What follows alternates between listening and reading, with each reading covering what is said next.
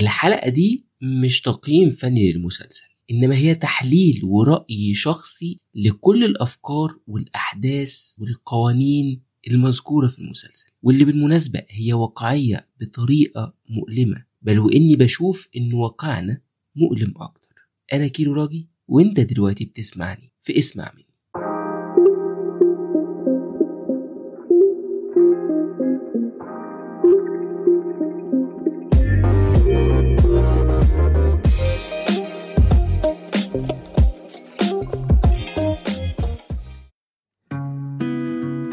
بس كده في الأول أنا النهاردة هتكلم عن المسلسل لحد الحلقة 15 يعني تقريبا نص المسلسل لحد وقت تسجيل الحلقة.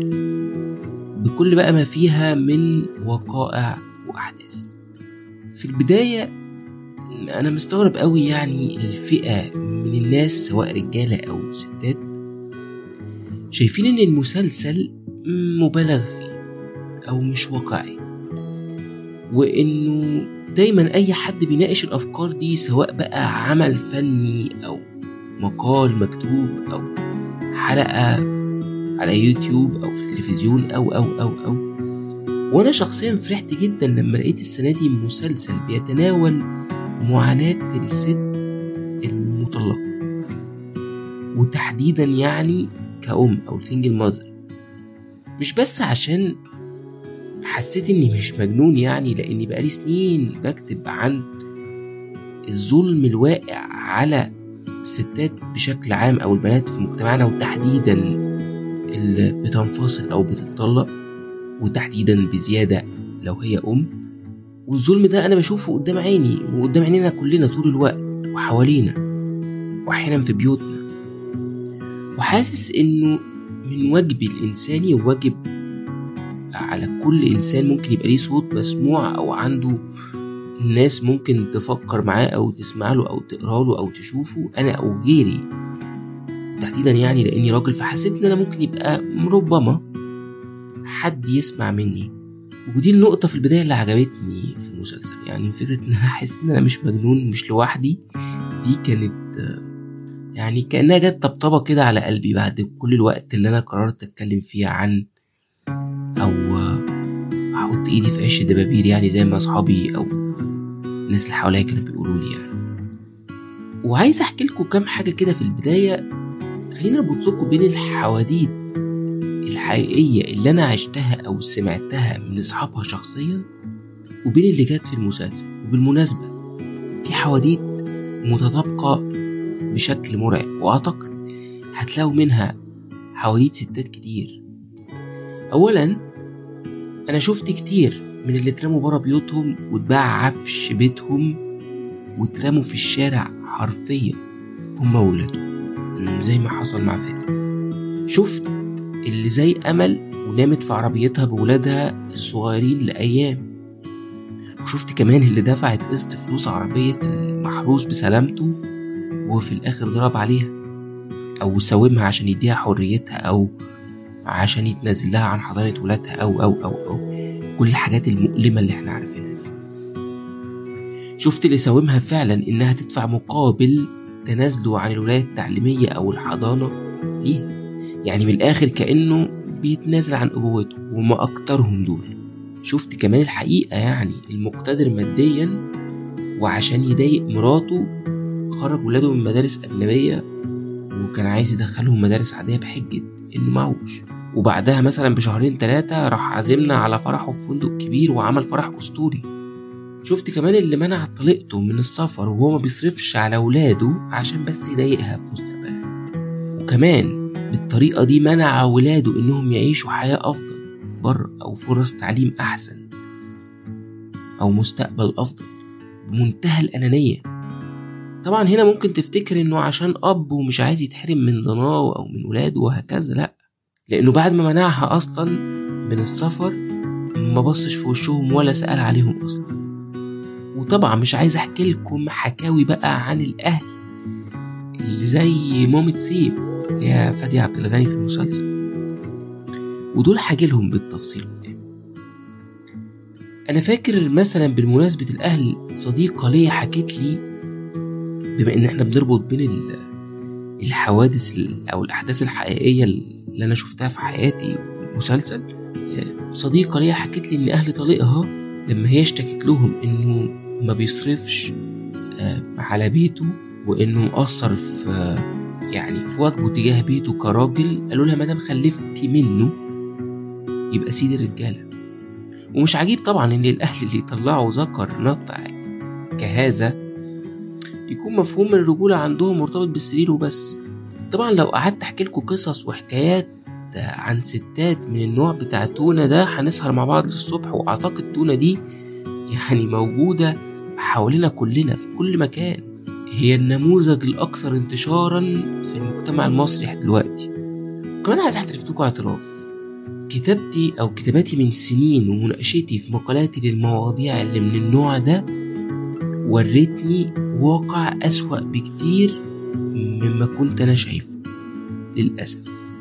وبيجيلي رسايل لمشاكل وحكايات من ستات أو من سيدات بطلات يعني فعلا.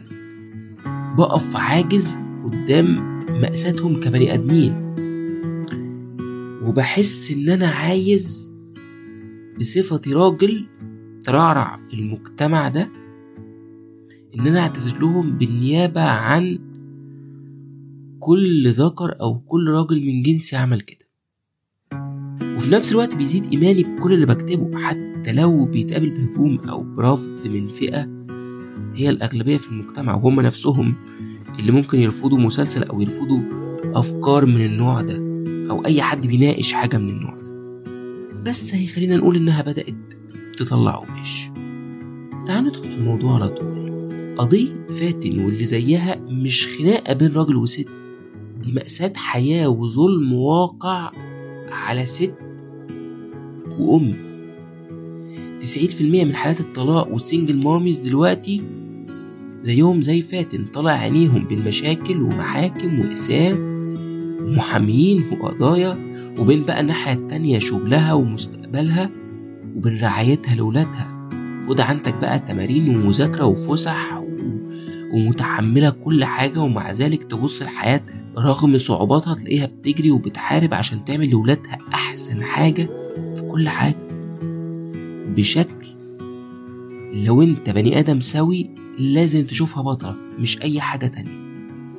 انزل أي مدرسة روح أي نادي شوف أي دكتور بتاع أطفال. هتلاقي الأغلبية الكاسحة أمهات.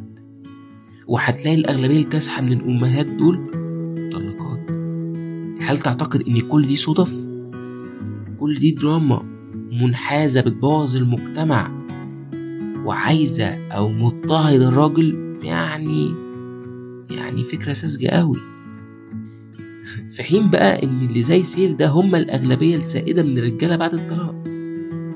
معرفش ليه الراجل في مجتمعنا بياخد الطلاق على كرامته قوي. ويعني رجولته بتنقح عليه جدا. في نفس الوقت اللي فيه كرامته ولا رجولته دي ما بتنطقش لما بيضرب مراته أو بيهينها أو بيبهدل ست هي أم ولاده وراه في المحاكم عشان حقوقها وحقوق ولادها أو حتى يرميها هي وهم خالص أو حتى يخليها على ذمته غصب عنها. كل دي حاجات ما بتوجعش كرامة الراجل نهائي. ده غير إن رجالة كتير بيعتبر طلاقه من الست طلاق لولاده ولمسؤولياته كأب تجاهه.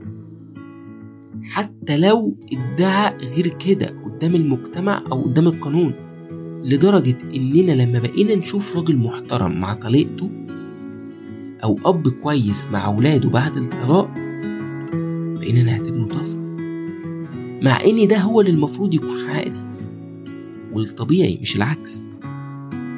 ما علينا. في رأيي الشخصي واللي كتبته كتير قوي هو إن فاتن والستات اللي زيها أكيد هما ضحايا منظومة فاشلة ومعتقدات ذكورية مريضة عايشين في مجتمع للأسف بيدي كل الدعم للراجل. وبس حتى لو الراجل ده ظالم جاحد جاني ومجرم أحيانا. كل ده بيحصل بالمعتقدات وبالقانون وبالدعم من المجتمع كله. فبقى الراجل ده عامل زي الإله معاه كل العذر ومسموح له يعمل أي حاجة. في عرف مين؟ في عرف المجتمع بمعنى يضرب ست أصله بيربيها على أساس يعني إنه جايب واحدة من الشارع ما تربتش في بيتها وبالمناسبة حتى لو جايبها من الشارع مش من حق الراجل يضربها ولا من وظيفته في الحياة إنه يربيها يخون ست في حياته يقول لك نزوة وكل الرجالة كده لدرجة إن الجملة دي تحديدا أنا بشوفها إنها بتشوه معاها كل راجل. محترم بيراعي ربنا في نفسه وفي حياته وفي بيته وفي الست اللي اتجوزته. كان في مشهد كده لسيف آه، وفي واحد صاحبه أعتقد في الحلقة الثالثه أو الرابعة مش فاكر قوي يعني. واحد صاحبه بيقول له إنه مش من الرجوله اللي أنت بتعمله في أم بناتك وبتاع. فاتريق عليه وقال له أنت منسون وحنين وما تعرفش أنت في معاملة الستات. أنت متخيل يعني إن أو أنتوا متخيلين إن دي تهم بتتقال في وش أي راجل. قرر يكون محترم أو منصف أو بيراعي ربنا أو سوي أو بيمارس رجولته الحقيقية بقى. كمان الراجل لو حب يطلق المجتمع مش هيشوفه بيهد بيته ولا مجرم هيشرط ولاده وكأن الست بس هي اللي مهمتها أو معنية إنها تحافظ على البيت وعلى الراجل. وطول الوقت هي اللي مطلوب منها تضحي وتسكت وتصبر. وتتنازل عشان بس الاسم عايشة في ظل الراجل الحقيقة بقى إن لا ده بيت ولا دي حياة ولا ده ظل ولا ده راجل يتعاش معاه والغريب أكتر في مجتمعنا هو إن رغم علم الجميع بمأساة الست المطلقة ومعاناتها مع القوانين والمنظومة الاجتماعية كلها وكل الضغوط اللي بتواجهها وبتضطر كست وكأم تتعايش بيها ومعاها؟ واللي أنا بقى النقطة دي أنا بستغربها جدا. هي الست اللي بتقف في وش ست زيها. وممكن تبقى هي أكبر عدو ليها. زي أم سيف كده في المسلسل. ودي في نظري أشد خطورة في عداوتها من الراجل نفسه.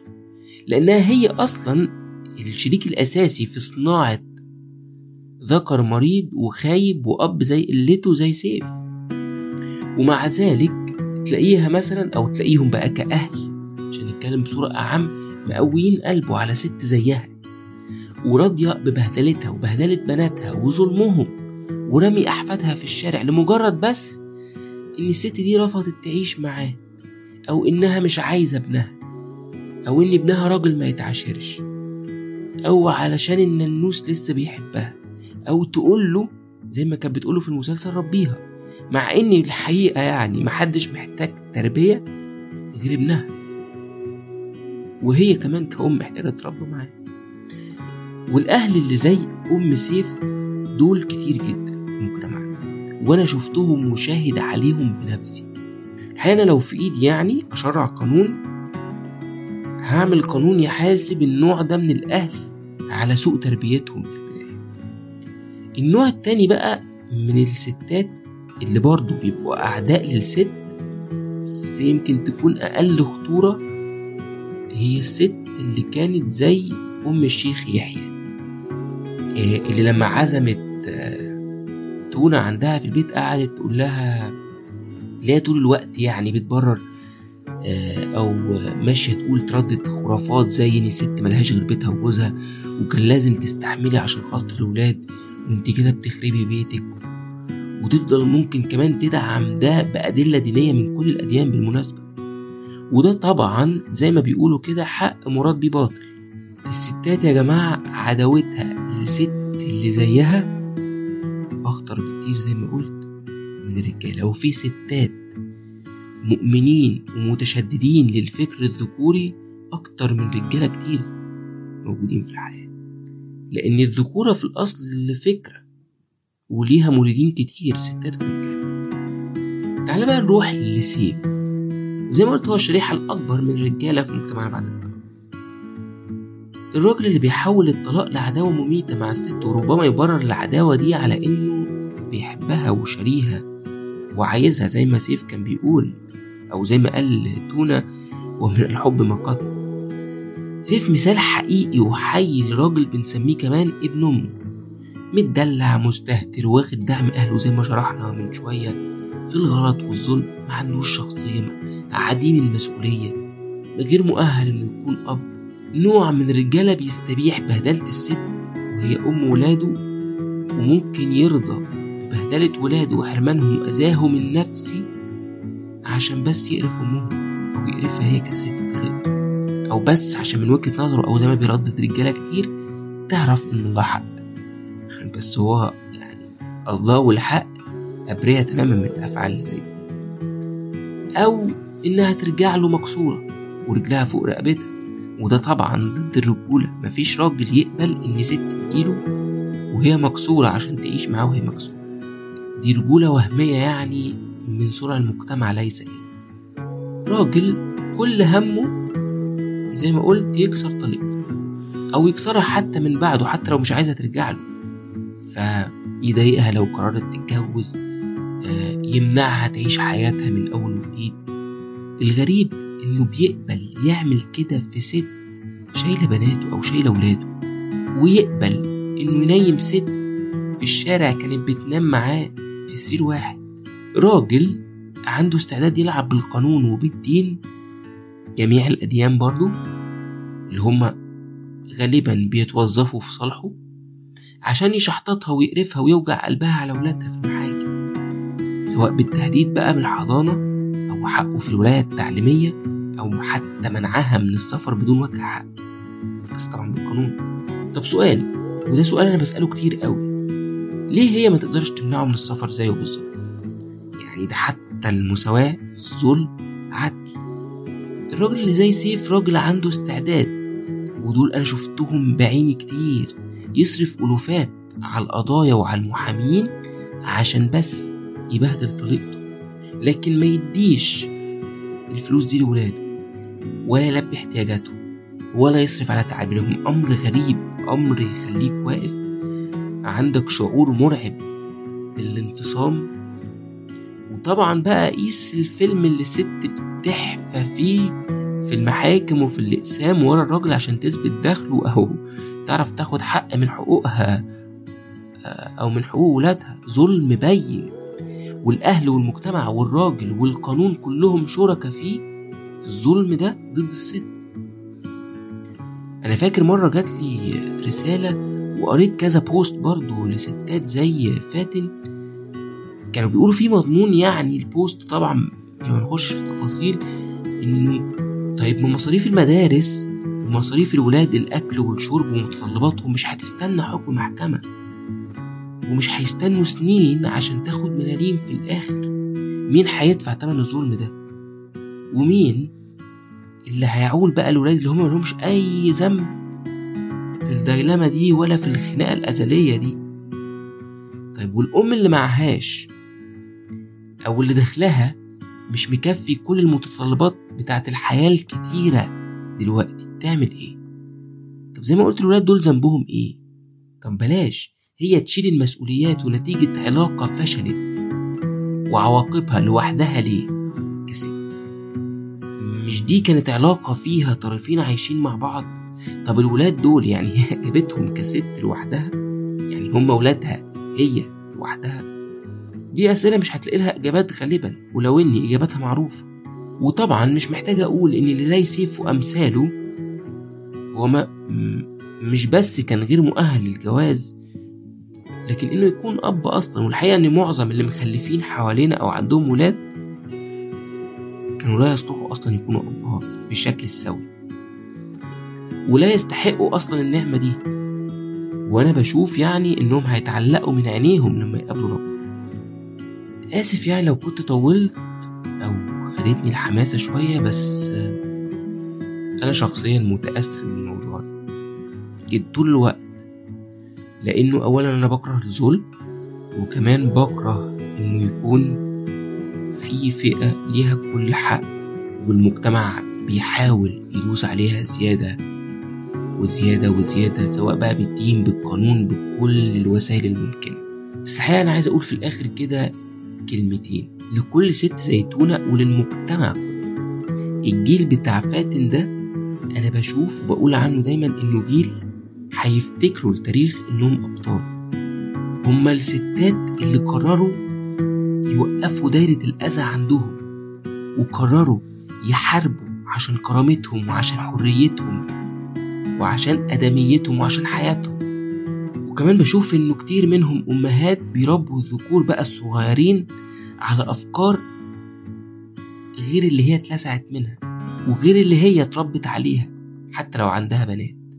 الستات دول بيعملوا عمل بطولي وحجم الأذى والضرر اللي هم بيدفعوه عن الأجيال اللي بعدهم كبير والتغيير اللي هيحصل الفترة الجاية تغيير ما كناش نتوقعه وإحنا بنشوف ده طول الوقت في كل حاجة حوالينا. حوادث التحرش في حوادث الطلاق. في الدعم اللي بدأت تاخده الست. وأنا شايف إنه يعني ده شيء يدعي للتفاؤل حتى لو البروسيس أو الموضوع بيتغير ببطء. بس إحنا عايشين على المعتقدات الذكورية والأفكار المريضة والعاهات بتاعت المجتمع دي وتقديس الراجل الوهمي لسنين فده مش هيتغير في يوم وليلة. كمان أنا بشوف في ستات كتير الحقيقة من الجيل بتاع التونة ده واعيين. وكمان بقى زي ما قلت النموذج بتاع الست اللي بتعادي الست اللي زيها لأ في ستات برضو بيدعموا بعض. وده الدعم الأكبر. اللي أنا بتمنى شخصيا إن الستات كلها تعمل كده. لأن وقتها هيبقوا إيد واحدة. زي ما الرجالة برضو الأغلب منهم بيدعموا بعض حتى في الضلال. دي مصيبة سودة. وزي ما ظهر في المسلسل أنا شخصيا عجبني يعني المشهد قوي بتاع الستات لما سيف حاول يضرب تونة في المحكمة الستات مسكوه رنوه علقة سخنة. وأنا شخصيا شفت بعيني في الشارع وفي أماكن كتير مواقف الستات فيها هي اللي كانت بتاخد حق الستات اللي زيها من راجل أو أو من بنت واقعة في مشكلة ودي ظاهرة تحترم. الستات دي كانت بتاخد موقف في الشارع الرجالة واقفين ما بياخدوهوش. أنا عارف إن الكلام ده ممكن يزعل ناس كتير بس هي دي الحقيقة. الجيل ده من الستات اللي قررت إنها هتتخان ومش هتقبل بده ولا هتسكت. إنها لما تتضرب أو تتهان مش هتقبل عشان تعيش وخلاص. إنها مش هتكمل في حياة وتعاشر راجل بخيل أو راجل مستغل أو راجل بيهنها ستات كتير زي ما قلت بقت واعية كويس قوي لحقوقها وإنه الطلاق آه مش تجربة سهلة لكن برضه مش نهاية الحياة. وإنه آه تحدياته كتيرة بس أفضل بكتير من الحياة مع راجل مؤذي. أو مش راجل أصلا يعني بالمفهوم السليم. واكتشفوا كمان ستات كتير إن رقم مطلقة ده مطلع مطلعش بيعض زي ما كانوا بيصوروا لها قبل كده.